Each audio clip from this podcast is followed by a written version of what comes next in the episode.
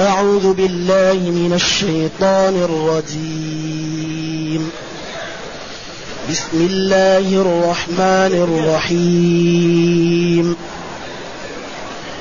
وإذ نجيناكم من آل فرعون يسومونكم سوء العذاب. يسومونكم سوء العذاب يذبحون أبناءكم ويستحيون نساءكم وفي ذلكم بلاء من ربكم عظيم. وإذ فرقنا بكم البحر فأنجيناكم وأغرقنا آل فرعون. فأنجيناكم وأغرقنا آل فرعون وأنتم تنظرون. وإذ واعدنا موسى أربعين ليلة ثم اتخذتم العجل من بعده ثم اتخذتم العجل من بعده وأنتم ظالمون. ثم عفونا عنكم من بعد ذلك لعلكم تشكرون. وإذ آتينا موسى الكتاب والفرقان لعلكم تهتدون الحمد لله الذي أنزل إلينا أشمل كتاب وأرسل إلينا أفضل الرسل وجعلنا خير أمة أخرجت للناس فله الحمد وله الشكر على هذه النعم العظيمة والآلاء الجسيمة والصلاة والسلام على خير خلق الله وعلى آله وأصحابه ومن اهتدى بهداه. أما بعد فإن الله جل وعلا يبين في هذه الآيات ما أنعم به على بني إسرائيل وما قابلوا به تلك النعم من الكفران. وفي ضمن ذلك يبرهن على رسالة نبينا محمد صلى الله عليه وسلم وفيه إزراء باليهود الذين كانوا بين ظهراني النبي صلى الله عليه وسلم. لأنهم كانوا مع أسلافهم فيما يعتقدون وأسلافهم أنعم الله عليهم فقابلوا تلك النعم بالكفران وهم علموا أن النبي مرسل من عند الله وقد عاندوا وكفروا به. فيقول جل وعلا و واذكروا إن جاءنا لكم من فرعون. هذا الإنجاء من العذاب الذي كان فرعون يسومونكم به وهو تقتيل الذكور وإبقاء النساء. وهذا مما يدل على أن الذكر ليس كالأنثى.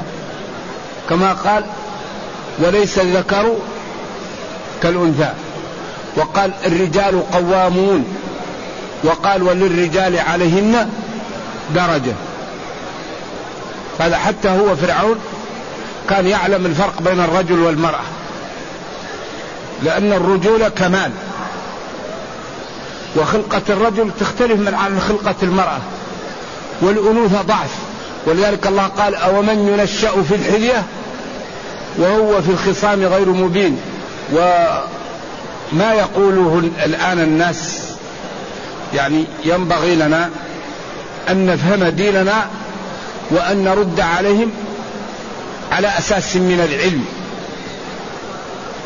سبق أن قلنا أن المسائل التي يطعن فيها الغرب على ديننا ثلاث. أغلب ما يطعن الغرب على الإسلام في ثلاثة نقاط. قضايا المرأة وقضايا الرق وعقوبة جريمة الزنا للمحصن وعقوبة جريمة السرقة. إذا العقوبة في هذه الجريمتين والرق وقضايا المرأة. فلو تتبعنا ما يطعن فيه الغرب على ديننا لوجدناها منحسرة في هذه النقاط ولو يعني فهموا هم ديننا لعلموا أن هذا هو المتجه وهو العدل. لأن الرجل ينتظر النقص والمرأة تنتظر الزيادة. فإذا كثرنا من ينتظر الزيادة على من ينتظر النقص كان هذا عدلا. لأن الرجل دائما ينتظر النقص. يتزوج يولد له ولد تأتيه نفقة جديدة. المرأة دائما تنتظر الزيادة يأتيها ولد يأتيها حلي يأتيها نفقة يأتيها بعض المهر. إذا المرأة تنتظر الزيادة والرجل ينتظر النقصان. فإذا كثرنا من ينتظر النقص على من ينتظر الزيادة كان هذا عين العدل. الرجل تجب عليه النفقة يجب عليه المهر يجب عليه السكنان. المرأة لا تجب عليها نفقة ولا مهر ولا سكنان أيضا ننسب الولد للرجل لأن الرجل هو الذي يزرع. ومن المعلوم أن شخص لا يريد أن يزرع في أرض لا يقال له غصبا عنك أن تزرع هنا. لأنه إذا غصب على الزراعة آلة الزراعة لا تزرع. لأن القضية ما هي بالقوة. ما هو بيده. إذا كان لا يريد أن يزرع في محل وأرغم على الزراعة فيه لا يمكن أن يزرع. لذلك يعني في غاية من الرقي والعدالة لا يعلمها إلا من تعلم. ولذلك أنا أهيب بالمسلمين أن يجتهدوا في القراءة ويعرفوا من يعادي الدين فيردوا عليه بأدب ويقولوا كلامك غلط. ومن يحب الدين يدعى له ويشجع. ويكون بيننا تعاون على الرفع من مستوى الإسلام والمسلمين وهذا لا يكون إلا بالقراءة وبالفهم وبتتبع النشر بأنواعه والقراءة. ويكون المسلم مشارك في الرفع من مستوى ماذا؟ الإسلام والمسلمين بالقراءة والردود على الذين يطعنون في الإسلام أو في الدين أو في التشريعات. وبتشجيع من يردون. عن الإسلام والمسلمين ومن يكتبون كتابات جيدة فيتصل بهم ويقول لهم جزاكم الله خير. نرجو الله أن يعينكم فيكون المسلم عضو فعال في المجتمع. أما كثير من المسلمين فكأنه يعيش مع الحافظ بن حجر والنووي ولا يعيش في هذا العصر. وهذا لا ينبغي. ينبغي للمسلم أن يعيش في عصره. في فيقرأ ويفهم ويرد الخطأ ويشجع الحق. إذا هذا فرعون كان يقتل الذكور ويستبقي النساء لأن النساء ما ما عندهن حيلة ولذلك المرأة قد تعلق فيها النطفة وهي كاره. أما الرجل إذا كان كاره لا يمكن النساء ولو اجتمع عليه نساء أهل الأرض ينلن منه. لذلك الرجولة كمال. الأنوثة ضعف. ولذلك لا يحل لامرأة تؤمن بالله واليوم الآخر أن تسافر مسيرة يوم أو ليلة إلا مع ذي محرم. لأن الرجل المرأة قد تكون كاره وينال منها الرجل ما يحب. أما الرجل إذا كان كاره المرأة لا يمكن تنال منه ما تحب. لأنه طبعا هذه الأمور إذا لم يشتهيها ما يمكن أن تنال منه.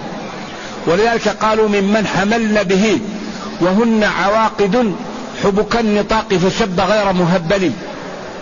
يعني كانت العرب تقول المرأة إذا يعني علقت بها النطفة وهي كاره يطلع الولد قوي لأنه طلع من عراك ممن حملن به وهن عواقد حبك النطاق فشب غير مهبل غير مضعف. إذا الرجولة كمال والأنوثة ضعف وهذا شيء خلقي. الرجل لا يحيض المرأة تحيض. الرجل لا ينفس المرأة تكون نفساء. الرجل لا يحبل المرأة تحبل. إذا هذا خلق هذا هذا شيء كونه الله. ولا اعتراض على الله في حكمه. أمر الله المسلم يقول سمعا وطاعة. إذا وفي ذلكم بلاء من ربكم عظيم. البلاء هنا محتملة لمعنيين. أي نعمة وهو إنجاؤكم. أو بلاء يعني عذاب ومشقة وهو قتل الذكور واستبقاء النساء وهذا أظهر. من أن يكون البلاء هنا نعمة لكم وهو إن جاءكم لأن الكلام منصب على ما يفعل فرعون. ولذلك الجملة تكون لها ثقل. يعني في, في, في, في الأسلوب الإنسان إذا أراد أن يتكلم في مقاطع من الجملة هي الثقل لأن الكلام ينصب إليها. أحيانا يكون ثقل الجملة في المسند أو المسند إليه. وأحيانا يكون الثقل في المتعلقات الحال أو التمييز أو الجار والمجرور أو المفعول به. وهذا يكون في باب يسمى باب المسند والمسند إليه ومتعلقات الفعل. لأن الجملة تكون لها ثقل. كقوله تعالى وما خلقنا السماوات والأرض وما بينهما باطلا. هذا ثقل الجملة. يعني في حال كوننا مبطلين. لذلك الكلام يقال على ما يريده السائل إذا كان الكلام جانبه السائل أو على ما يريد أن يقوله المتكلم أن يقوله المتكلم إذا كان المتكلم هو الذي يريد أن يبين ما في نفسه للثاني. وهذا باب مفيد جدا للأساليب ولمعرفة الاستنباط ولمعرفة الترجيح وهو باب المسند والمسند إليه ومتعلقات الفعل. لذلك هذه المادة وهي مادة البلاغة تكاد تندرس. فنحن نهيب بالشباب الذين لهم ذكاء وفطنة أن يدرسوا هذه المادة ويتقووا فيها لأن الأمة في حاجة إليها والآن لا يوجد قليل من يوجد يتقن مادة البلاغة الآن. وهي روح الإعجاز وروح معرفة بما يجمل الكلام وبما يقبح. وفي ذلكم أي بلاء نعمة أو نقمة من ربكم عظيم. ثم بين نعمة أخرى من نعم الله على بني إسرائيل فقال واذكر وقت إنجائنا لكم حين فلقنا البحر لموسى فدخله وخرج منه ودخله عدو الله فرعون وجنده فطبق عليهم وأغرقوا. وهناك قصص كثيرة إسرائيلية ويكفي وما جاء في القرآن يبين. فرقنا بكم البحر فرقناه جعلناه فرق قال العلماء 12 فرقة. قال أن اضرب بعصاك البحر. فضرب بالعصا البحر. فأصبح كل فرق كالطود كالجبل العظيم. وبعدين هذه قدرة إلهية لا يمكن أن يتخيلها البشر. كيف كيف الماء يعني يقف ويبقى زي المتجمد كالجبل و و و ويمر هؤلاء. هذا قوة الله. ولذلك هذا لا يمكن أن يصدقه العقل إلا إلا بالإيمان. الذين يؤمنون بالغيب. قال إنا لمدركون. قال كلا إن معي ربي سيهدين. قال إن موسى علم. في كتب الإسرائيليات أن موسى أخبر به قال خليه حتى يكون الفجر. فنحن سنوقع به لأن جندنا أكثر من جند وعتادنا أكثر من عتاده فقال يوشع بن نون لموسى فين نذهب؟ قالوا نذهب مع البحر. فأراد أن يذهب بالبحر دخل الحصان فغرق. بعدين قال الله لموسى اضرب بعصاك. فضرب بعصاه فجاءت 12 طريق يبسا. قالوا لا تخافوا دركا. ولا تخشوا فطلع موسى. فلما خرجوا جاء فرعون على حصان فلما تهيب به يقال إن جبريل جاء على فرس ودق. يعني حائل يريد الفحل. فاقتحم وقيل دخلوا فلما كان آخرهم في البحر وأولهم في البحر انطبق عليهم. وأغرقوا. والحال أنكم تنظرون وهذا من تمام النعمة ومن تمام المنة أن يهلك الله عدوك وأنت تنظر إليه. فتشفي يشفي نفسك وتجد من المتعة والهناء بإهلاك عدوك وأنت تنظر إليه. ولذلك قال فاليوم ننجيك ببدنك لتكون لمن خلفك آية. قال بعض العلماء نجعلك على نجوى في داخل البحر حتى يمر الناس ويشوفوك مت.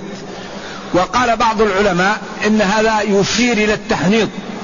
لأن لمن خلفك لكل من يأتي خلفك آية.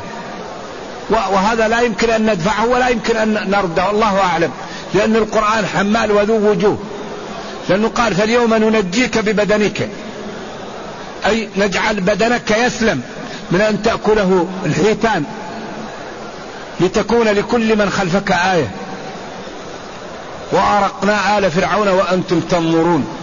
إذا كان من حقكم يا يهود الذين كنتم تعيشون في المدينة مع النبي صلى الله عليه وسلم أن تسارعوا في الدخول في هذا الدين.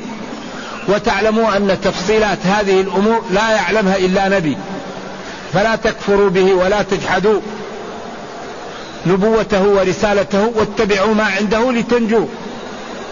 إذا هذا الأسلوب فيه إزراء باليهود الحاضرين في زمن النبي صلى الله عليه وسلم. وإنهم إن كذبوا وكفروا فتلك شنشنة نعرفها من أخزم فهم يعني متأصلون في الكفر وفي العناد وفي عياذا بالله تعالى. كفران النعم. ثم قلنا لموسى اذهب أربعين ليلة. لم يبين هل هي متفرقة أو متفقة. قال ووعدنا موسى ثلاثين ليلة وأتممناها بعشر. فتم ميقات ربه أربعين ليلة. يذهب ليعطيها الله الألواح فيها التوراة بعد أن شردوا وفقدت وأشياء في هذا الأمر. فاليهود قالوا بعد عشرين يوم هذه أربعين يوم أربعين ليلة وأربعين يوم هذه أربعين. إذا أنت كذبت علينا. وجاءهم السامري ورأى فرس جبريل كل ما وطأت في محل ينبت. فأخذ قبضة منها وصاغ حليا ورماها عليه فأصبح لهذا الحلي خوار كخوار العجل. وصاغوا فعبدوا العجل. عياذا بالله تعالى. ثم لما جاء موسى غضب على هارون وأخذ برأس أخيه يضربه ويأخذ بلحيته. فقال له يا ابن أم لا تأخذ بلحيتي ولا برأسي. إني خشيت أن تقول فرقت بين بني إسرائيل ولم تقل قولي. قال فما خطبك يا سامري؟ قال بصرت بما لم يبصروا به فقبضت قبضة من أثار الرسول فنبذتها. على العجل فصار العجل له خوار فعبدوه عياذا بالله تعالى. ثم بعد ذلك كما قال الله فيما يأتي قال لهم لا بد من عبد العجل أن يقتله من لم يعبد العجل. فأخذوا وجاءهم غمام ثم قتل الذين عبدوا قتل الذين لم يعبدوا العجل الذين عبدوا العجل حتى ماتت منهم سبعين ألف. وصار موسى يدعو الله أن الله يرفع عنهم ذلك فتاب عليهم ورفع عنهم ذلك ورحم من مات منهم بالقتل ثم غفر لمن بقي منهم. ولكنهم بعد ذلك أيضا عاندوا وفعلوا ما فعلوا كما سيأتي في الآيات القادمة. إذا يقول جل وعلا وإذ فرقنا بكم البحر. وإن فرقنا بكم البحر فأنجيناكم. وأغرقنا آل فرعون وأنتم تنظرون وإذ وعدنا موسى أربعين ليلة ثم ذهب واتخذتم العجل من بعده إلها والحال أنكم ظالمون في ذلك لأنكم وضعتم العبادة في غير موضعها. ثم عفونا عنكم من بعد ذلك لعلكم تشكرون. وآتينا موسى الكتاب الفارقة هذا عطف صفة على صفة. والفرقان أي الكتابة الفارقة بين الحق والباطل وهو التوراة. لعلكم بذلك أن تهتدوا وتتبعوا محمدا صلى الله عليه وسلم لأن تفاصيل هذه الأمور لا يعرفها إلا نبي جاء من عند الله مرسل. أما غيره فلا يعرفها.